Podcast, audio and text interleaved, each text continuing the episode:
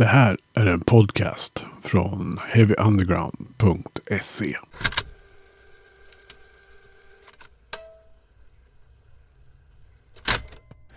Uh, Heavy Undergrounds podcast är glada att kunna prata med uh, Axis of Despair, Anders Jakobsson och uh, Joel Fornbrandt. Välkomna till podden. Tack så mycket. Tack, tack. Och så har vi Svempa Alveving med också. Tjena. Tjena. Uh, ja, vi ska prata Access of Despair. Ni är ju liksom lite tillbaks. Kan man säga så? Ja, det kan man säga. I alla fall så märk, märks det ju att vi finns. Vilket vi har gjort hela tiden. Men det har varit lite lågsäsong under ett par år här av diverse kända och okända anledningar. Men uh, nu har vi ju två släpp på gång och liksom vi ser lite som en ny start efter förlängd avbrott. Ja. Mm. Vad, vad är de kända anledningarna då? Till att ni har hållit er undan och in, inte gett oss eh, kvalitetsgrind? ja, nej, det har väl inte blivit så mycket helt enkelt. För att vi eh, har en, en gitarrist som försvann iväg till Stockholm och eh, ja, sen hela pandemiskiten då. Så att det har helt enkelt inte blivit så mycket verkstad. Nej, vi har haft lite svårt att, att liksom träffas och spela. Vi, vi var liksom på gång. Vi har ju det är två skivor på gång nu, de här splittarna. Den Brainwasher som är släppt och sen en 12 med Meth Leopard som kommer lite senare. Och den var väl liksom på gång och skulle egentligen spela in ja, säkert två år sedan nästan. Och sen kom pandemin och så fick vi inte repa för vårt eh, studieförbund. Man fick inte vara, ha liksom, tränga sitt rum sådär. Så att det liksom försvann. Så deras låtar på den splitten är ganska gamla vid det här laget. Medan våra är bara lite gamla. Ja. sådär. Men, men det är ju det liksom. Det har varit, det är ju likadant för alla att det har varit lite lågsäsong med, med pandemin och sådär. Men sen hade vi liksom det här lilla problemet med att vi delade på två städer just nu då. Mm. Det finns onekligen en, en liten kö av releaser som, som väntar på att födas fram på grund av pandemin. Men eh, jag har ett uppehåll då, men vad är det, jag tänkte börja i den här änden lite grann. Vad är det med grindcore och den här typen av musik som fortfarande lockar er att fortsätta spela det? Mm. Ja, alltså för min del så är det typ den enda musiken jag kan eh, sjunga i stort sett. Eh, grindcore och death metal, så att man har inte så mycket till val helt enkelt. Sen är det tur att man, kan, att, man har, att man kan spela med folk som faktiskt är bra på det. Det gör ju att man vill fortsätta. Eh, jag vet inte om det är något speciellt med grindcore som lockar utöver att liksom man har man har gillat den musiken jävligt länge och det känns fullständigt naturligt att det är så man uttrycker sig helt enkelt. Mm.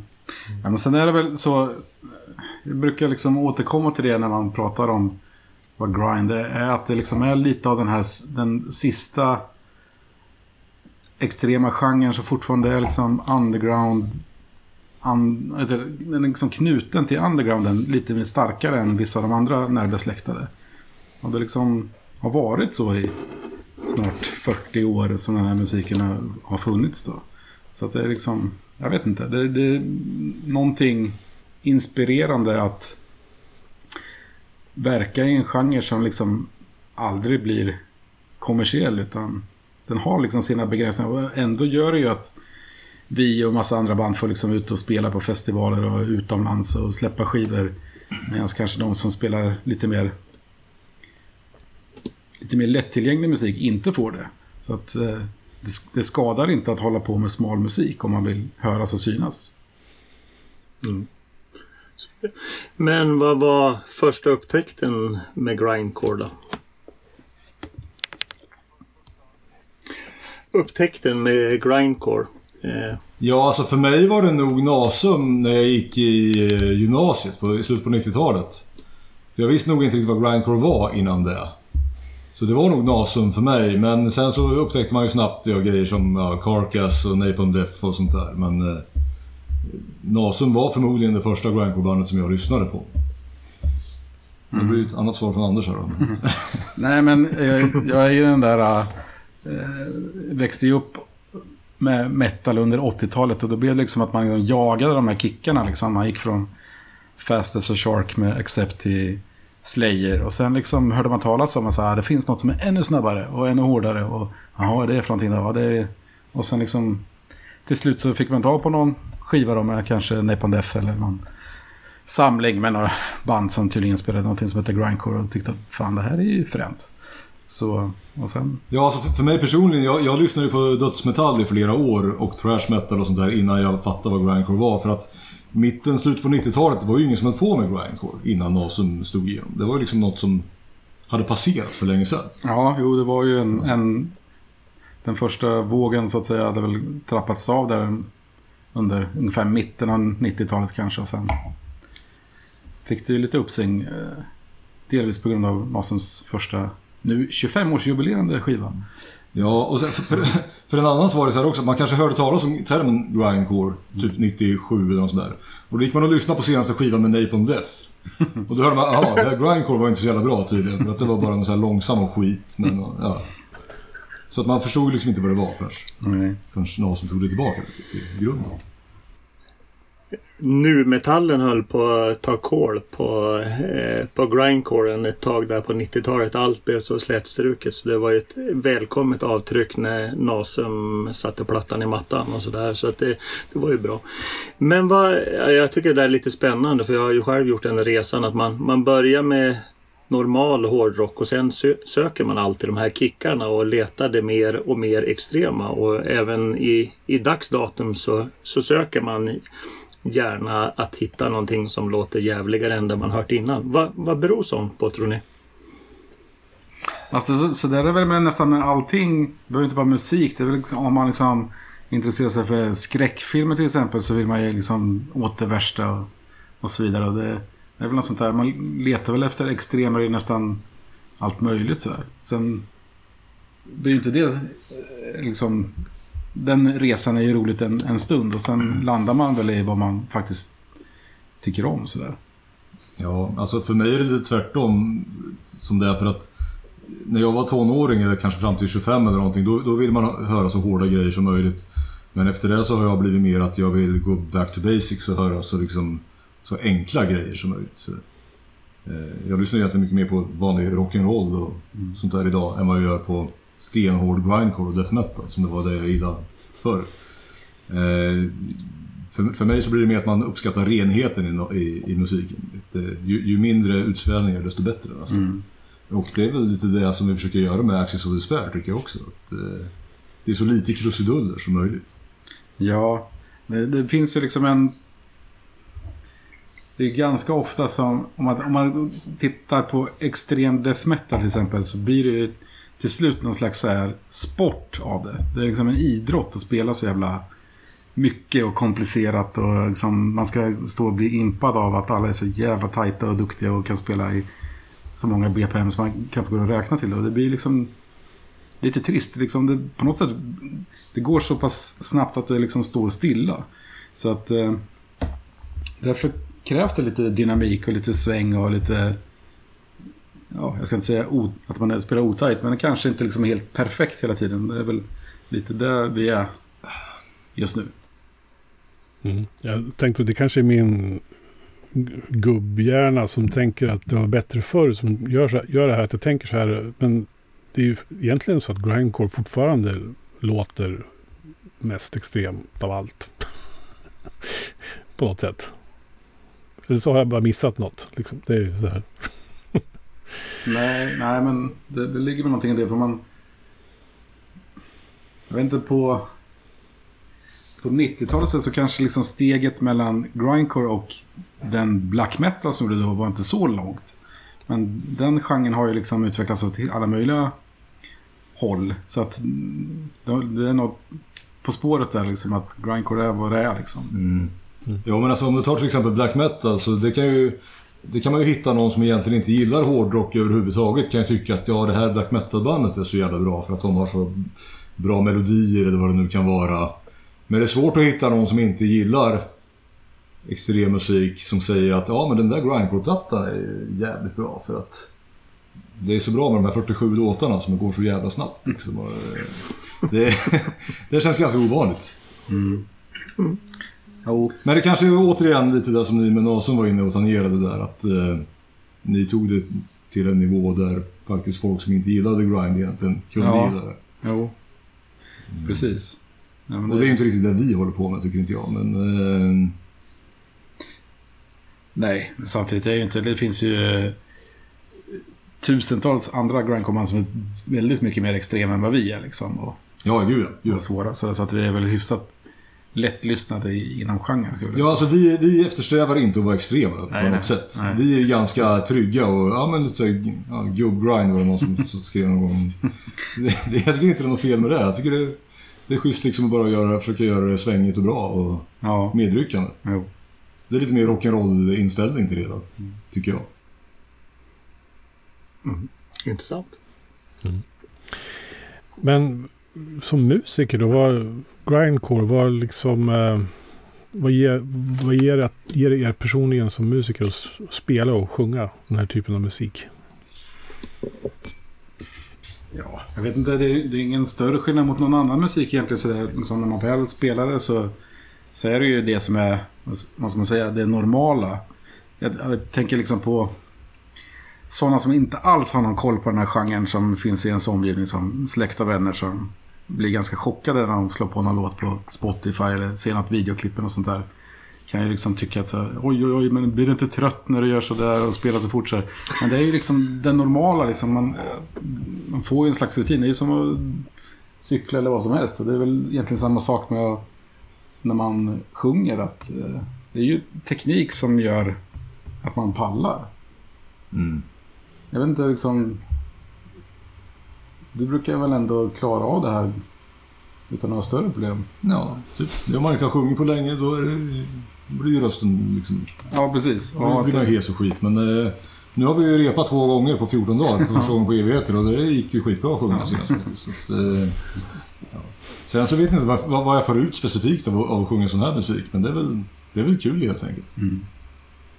Nej, men det, jag vet inte. Det är väl... Det är liksom helheten när, när hur eh, de olika individuella musiken, eh, instrumenten samspelar och hur liksom sången bidrar på sitt sätt. Att det liksom man... Känslan det skapar på något sätt. Att man kan känna att fan det här... är Ett jävla drag på något sätt. Eller... Ja, Ja, för min del var det att alltså, när, när jag var ung så lyssnade man på skivor med, med thrash metal-band, death metal-band och sen helheten lät så jävla bra. Och så blir det som att jag, vill återska, jag vill göra den helheten själv. Liksom. Och just sången har aldrig varit något så här för mig att åh, jag måste sjunga som bättre än någon annan i genren. Utan eh, man vill bara sjunga så att det blir liksom drag och känsla i allting. Och sen gärna sjunga bra texter också så man kan få den här helheten. Att någon, kan, någon annan kan plocka upp en skiva och lyssna på och få den här helhetsupplevelsen. Det, är väl, det är väl det som det har varit för mig. Just, just det här med sången i grind eller extremmusik överlag. Att det, är att det är lite det som liksom är det avgörande på något sätt. Om det är om det dels är catchy och, och dels om att man liksom kommer ihåg låtarna på något sätt. Det finns ganska många av våra kollegor som inte liksom lägger någon vikt vid det. Att det blir bara jävligt enformigt och det, liksom, det finns inga texter, det finns inga fraseringar. Och det är sånt som vi liksom jobbar med så att det inte blir same same i låt efter låt. Ja. Nu har inte vi gjort jättemånga låtar men det är ändå liksom ett 30-tal sammanlagt eller någonting. Eller ännu mer kanske. Så att... Eh,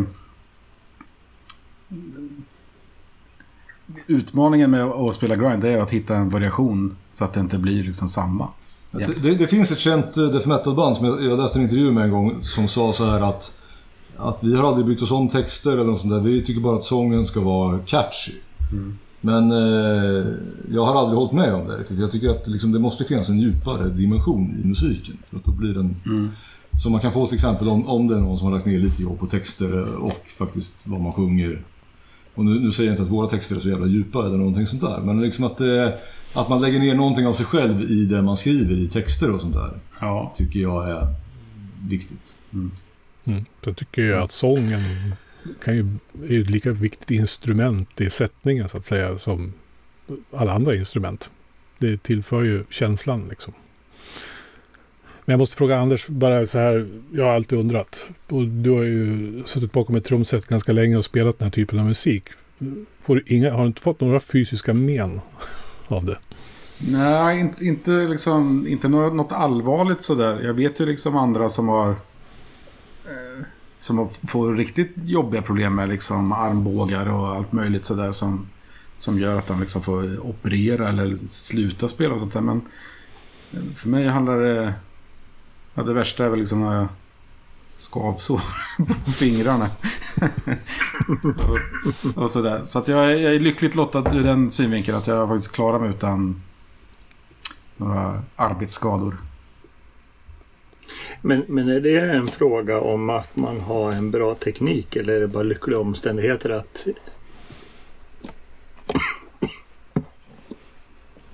Ja, nej, men jag tänkte, är, är, är det en, en fråga om att man har en bra teknik, att man klarar sig från skador eller är det bara lyckliga omständigheter att din kropp är, är god mot dig?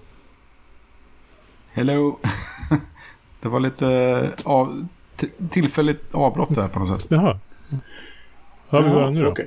Eh, hör vi varandra nu? Ja. ja. Nej, men jag tänkte just det där, är det lyckliga omständigheter eller är det för att du är tekniskt skillad så du har klarat dig från skador? Ren jävla bontur.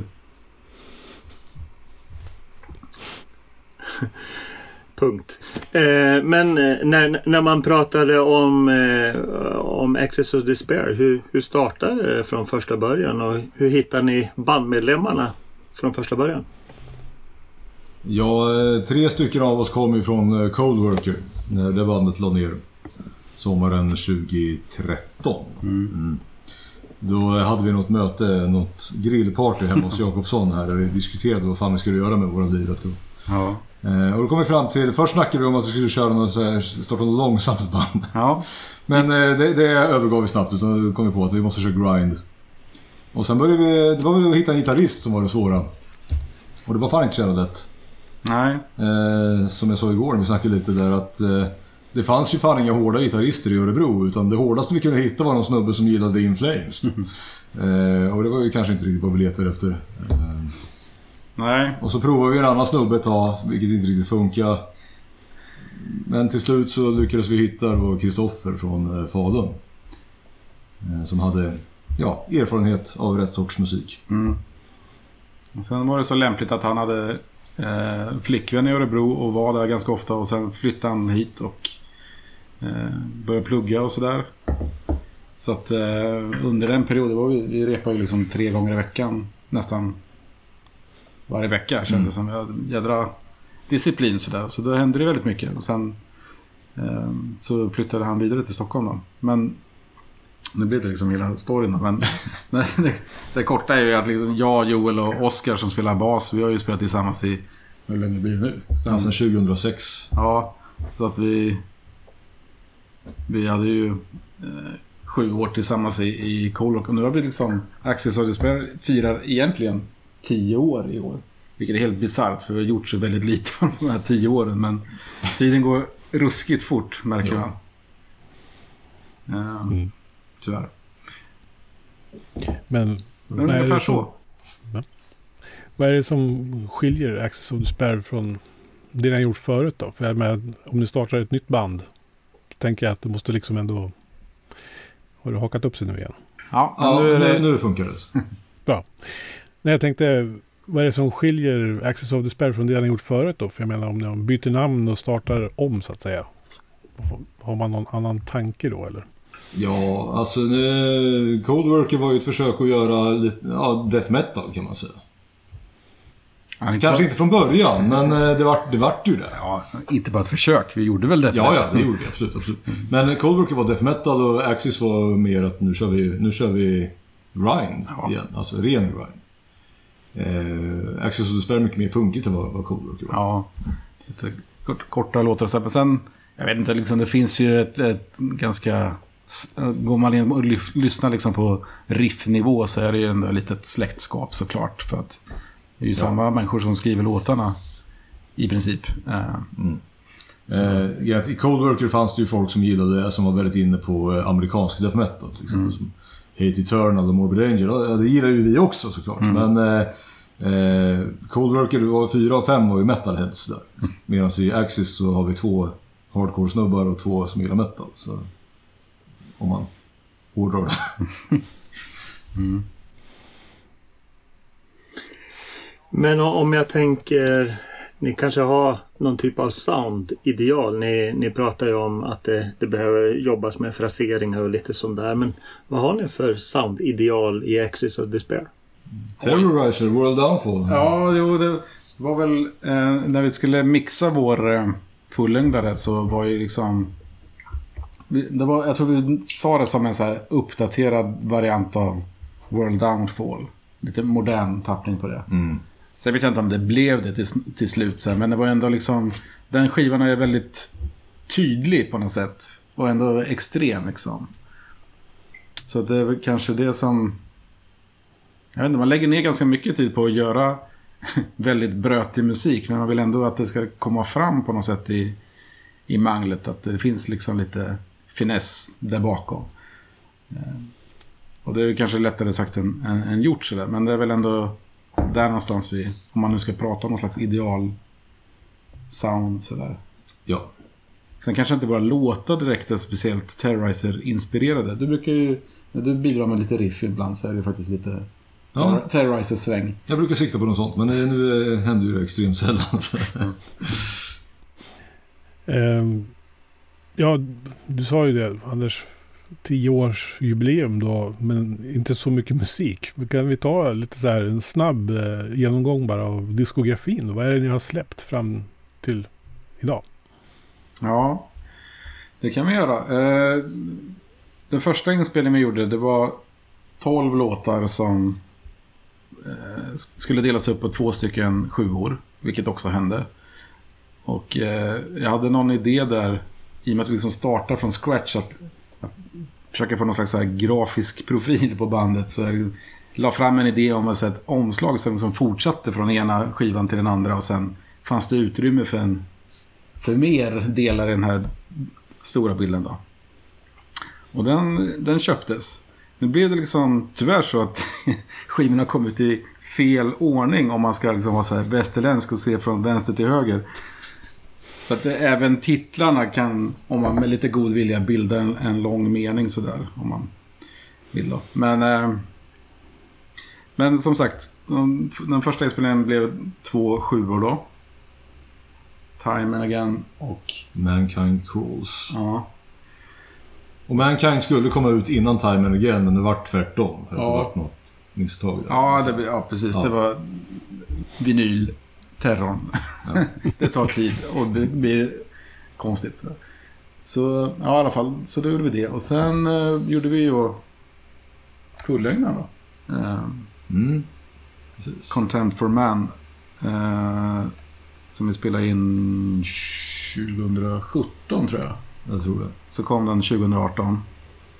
Och i samband med den så spelade vi också in några extra låtar då, som blev en, en eh, vår tredje sexlåtars EP som heter And the Machine Rolls On. Som faktiskt firar fem år exakt idag när vi spelar in det här 8 februari. Nej, fyra år. Är det. Ja, för Mankind Crawls, eller vad säger jag? Contempt for Man kom 2018. Ja, just det. Då kom den 2019, så det är Ja, fyra år. Ja. Så det är ju det. Och sen har vi ju, om man ska... Efter det, det vi har spelat in efter det är ju faktiskt då två stycken covers till några...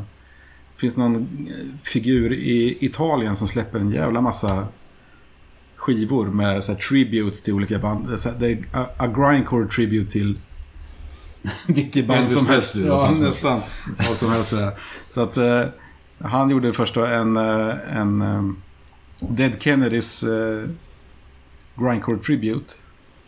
Så då plockade vi, valde jag ut en låt som vi grindcorifierade. Den blev ju faktiskt riktigt bra tycker Ja. jag.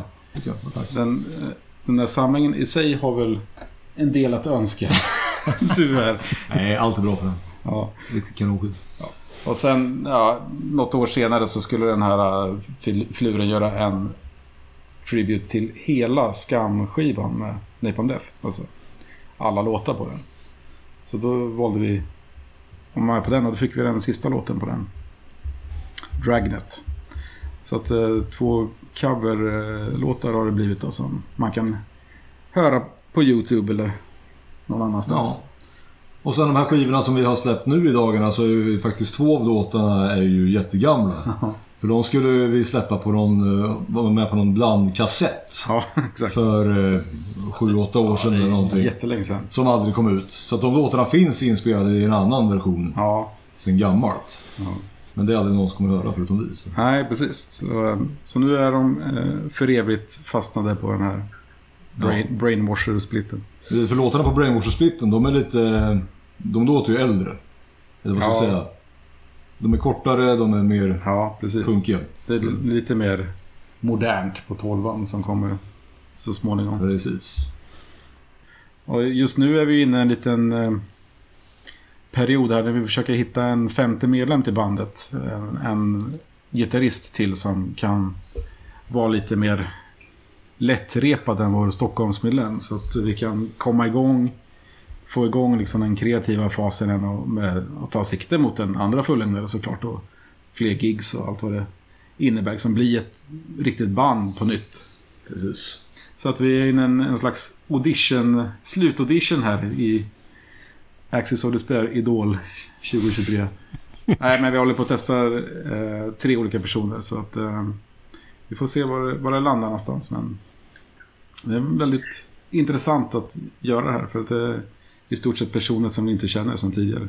En viktig del är, liksom det, det är ju det sociala liksom. Det ska ju klaffa liksom på alla, alla plan. Eh, utöver det musikaliska då, det är en person som måste klara av att spela våra låtar och ha känsla för genren och hyfsat lätt att lära och, och allt sånt där. Och Mm. de vi har testat hittills har ju liksom prickat av den biten. Och, så att, ehm, Ja, sen är det, ja, det är jävligt viktigt att det stämmer socialt också. Mm. För att eh, Axis har alltid, det har alltid varit en väldigt avslappnad stämning i det här bandet. Mm. Så, liksom. eh, det är väldigt viktigt att man kan komma ner till replokalen och känna liksom, att det är... Ja, men det är en skön avslappnad stämning. Det ska vara lite som att hänga med polarna. Liksom, tycker jag. Och det är viktigt att hitta någon som... Ja, som passar in där helt enkelt. Och det är inte så lätt när man har spelat ihop i, i tio år nästan. Som band. ja. Men eh, det, det kommer förhoppningsvis gå bra. Så. ja, nej, men eh, det är en spännande tid vi är i just nu. För att det känns liksom som att det är en pusselbit som saknas liksom för att vi ska komma tillbaka efter de här eh, slöa åren. Liksom. För Mm. vi, vi, som är den Örebro-baserade delen av, av bandet, vi har liksom inte så mycket annat musikaliskt för oss. Så att det, det här är det enda vi har egentligen. Och vi behöver få utlopp för både det kreativa och det sociala och allt möjligt i, i bandet. Då. Ja. Så att eh, jag är peppad på att komma igång liksom. Det blir liksom lite som en... eh, att uppfinna bandet igen då. Om man ska vara in en ny medlem och liksom hitta en ny dynamik på något sätt. Ja, det, det är liksom en nystart. Det, det sammanfaller också med att vi har bytt replokal nu vid, vid årsskiftet på grund av att eh, den gamla vi hade som vi haft i nio år. Eh, sen Cold Rocky-tiden, tror jag. Mm. Ja, eh, den blev uppsagd då, så att vi var tvungna att hitta något nytt. Och så, så att det blir liksom... Det är många saker som är, liksom, pekar mot en ny start just nu. Och Mm. det gäller liksom hugga tag i det och göra någonting bra av det också. Exakt. Och sen blir vi inte yngre heller. Så att, Nej, eh, det fan. känns som att det börjar bli dags att få saker att röra på sig. Ja. Så eh, om ett par år så kommer vi bli det där slöa bandet som vi Ja. pratar om att bli. Ja, det leder ju oss in lite. Det är ju två splittar som sagt på gång under vintern och våren här. En är ju släppt redan. Eh, varför just som i splitformat? Vad, hur, hur tänkte ni när ni liksom bestämde er för att vara med på två sådana? Ja, det är ju ett ganska klassiskt grindcore-format på något sätt. Och dela en singel. Man får en fem minuter var i princip och liksom göra vad man vill med. Och, eh, I det här fallet så startade det med att Meth Leppard hörde av sig och frågade om vi ville dela med dem. Och de är ju ganska... De är ju ett större namn än vad vi är, ska jag vilja påstå. Så det, Ja. det finns ju såklart en, en liten bidragande orsak till att liksom dela med ett band som når ut lite mer sådär. Eh, och sen vet jag att att Johan från Flyktsoda och Brainwasher hörde av sig och sa att vi ska spela in lite nytt tänkte vi. Kanske ni vill göra någonting med oss. Och då var ju när vi mitt höll på och skrev och repade in låtar till den andra splitten så för fan, vi gör några låtar till så spelar vi in samtidigt och slår två flugor i en smäll på det viset. Då.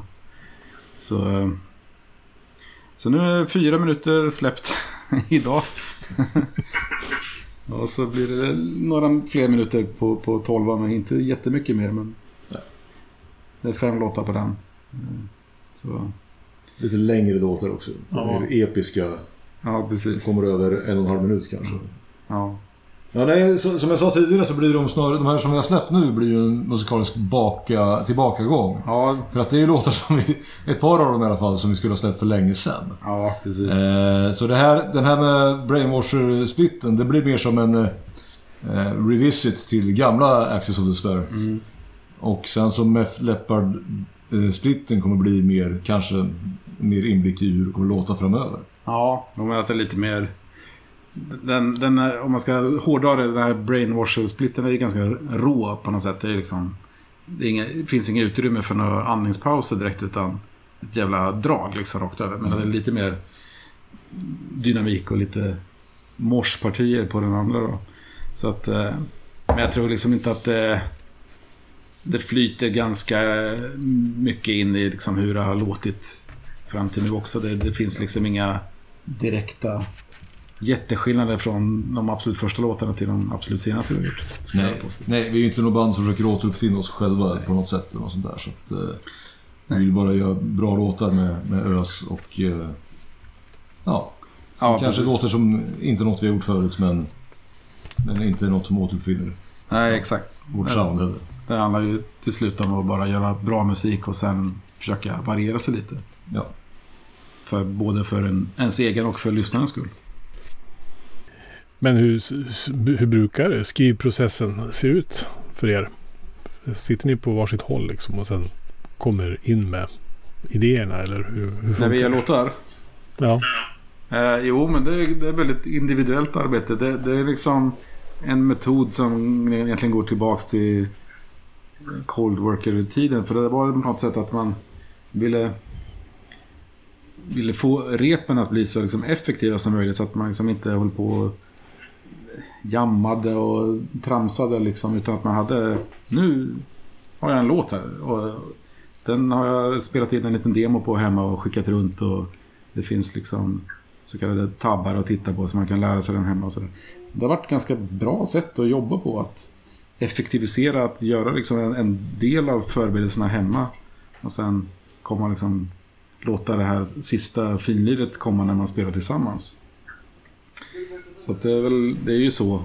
Det är oerhört få låtar som vi har skrivit tillsammans. Ja, förutom att sång och musik kan skrivas olika personer. Men just i själva musiken är det nästan uteslutande en person som har gjort hela låten men har ni koll på konkurrensen? Höll jag på att fråga. Alltså sven, den svenska grindcore-scenen. Är, är det något ni har liksom lite pejl? Jag, jag har fan noll koll på den. Jag, jag, vet, jag vet ingenting. Ja, Brainwasher vet jag mycket. Ja, ja jag, jag, jag, jag ska säga att jag inte heller har superkoll sådär men ändå... Eh, jag har ju gjort ett litet gästspel med ett par kollegor som heter eh, Bleach Drinker. Jävligt svårt att hålla isär Brainwasher och Bleach Drinker. Ja. Det, de, det är inte det bästa, de lättaste namnen att säga efter varandra. Och det är ju kollegor kan man väl säga på något sätt. Eh, och sen har vi eh, de här Secrecy som dök upp som eh, under förra året. Då, som, det, det skulle du gilla tror jag. Det är lite. Terrorizer-hållet. Ja. Eh, Så eh, det börjar ändå hända lite sådär att det dyker upp. Sen, sen finns det säkert massor och annat. Så här, men eh, jag vet inte. Det, det finns för mycket annan musik att hålla koll på också. Som gjordes förmodligen innan det blev 1980 också. Så att, eh, återkom om 50 år så kanske jag kan säga någonting om modern musik idag. Ja, jag bokar in det här. Jag har en notering. 50 år. Då kommer det kanske vara gubbgrind. Ja, det blir riktig ålderdomsgrind. Nej, men jag, jag håller med. Secrecy gjorde ju en, en riktigt fenomenal skiva. Mm. Sen, sen kan jag ju slå ett slag för Järnbörd. Det är ju ett, eh, ett fantastiskt grindband också. Men, nej, men det, det händer. Det puttrar nog ganska mycket i, i svenska scenen. Men som sagt var, det finns många olika musikstilar som konkurrerar. Och man vill ju hinna lyssna på allt, som bekant. Ja, hörrni. Eh, vi börjar närma oss slutet på den här lilla eh, sittningen tillsammans med er. Eh, men vad har ni liksom för drömmar för Access of Despair i framtiden? Så där? Hur, hur, har ni, hur lång händelsehorisont har ni för bandet? Oj. Ja, bra fråga. Alltså, jag... Jag känner bara att vi ska försöka få, få ordning på den här femte medlemmen. Och eh, komma ut och lira lite och eh, skriva lite nya låtar. Mm. Det är så långt som jag tänker i alla fall. Ja. Eh, så är det bara att hoppas att man kan ta det därifrån. ja. Nej, men givetvis, eh, alltså... Jag går ju väldigt mycket igång på den här kreativa biten och, skapa och sådär. Så att jag ser fram emot att att hålla på med ny musik och spela in och släppa så småningom. Liksom. Men det är ju en process som, som tar en stund också. Men jag tror ändå att att det här året kan bli jävligt spännande på alla sätt och vis för, för bandet. Då. Och så får vi väl se vad det går vidare. Sen, sen har vi en sån punkt i livet att det kanske inte är världsturné det man drömmer om. I, du pratade lite innan vi började spela in här så började vi prata om Irland. Ja. jag fick åka till Irland och spela. Ja, så det kan ju hända. Ja. Nej men alltså, ja, vi har väl lite, alltså, man får ju vara realistisk. Folk i det här bandet, är, de flesta av oss är över 40. Eh, flera har familj. Eh, vi har ju inte jättemycket tid att lägga på bandet bara sådär liksom. Men eh, ja, för egen del, jag skulle gärna ut och spela mycket. Mm. Men, eh, ja. Ja, Anders och Joel, det har varit jättetrevligt att ha haft dig med i Heavy Undergrounds podcast. Tack så mycket. Eh, Mm. Och vi hoppas att vi ses snart då. Någonstans Ja, jag. ställe. see you in court. Nej, men på någon, något spelställe vore det kul. Förstås. Ja. Tack och bock. Ja, Tack, tack så mycket. Tack och bock! Hej då. Du har lyssnat på en podcast från heavyunderground.se. Jag som säger det heter Magnus Tannegren och är den som producerar och intervjuar i den här podcasten. Vill du veta mer om det här avsnittet eller om podcasten i allmänhet? Besök heavyunderground.se eller leta upp oss på de sociala kanalerna på Facebook och Instagram. Tack för att just du har lyssnat. And hey, I met you. You are not cool. I know. Even when I thought I was, I knew I wasn't. Because we are uncool. I'm glad you were home. I'm always home. I'm uncool. Me too. You're doing great. Know, the only true currency in this bankrupt world is what you share with someone else when you're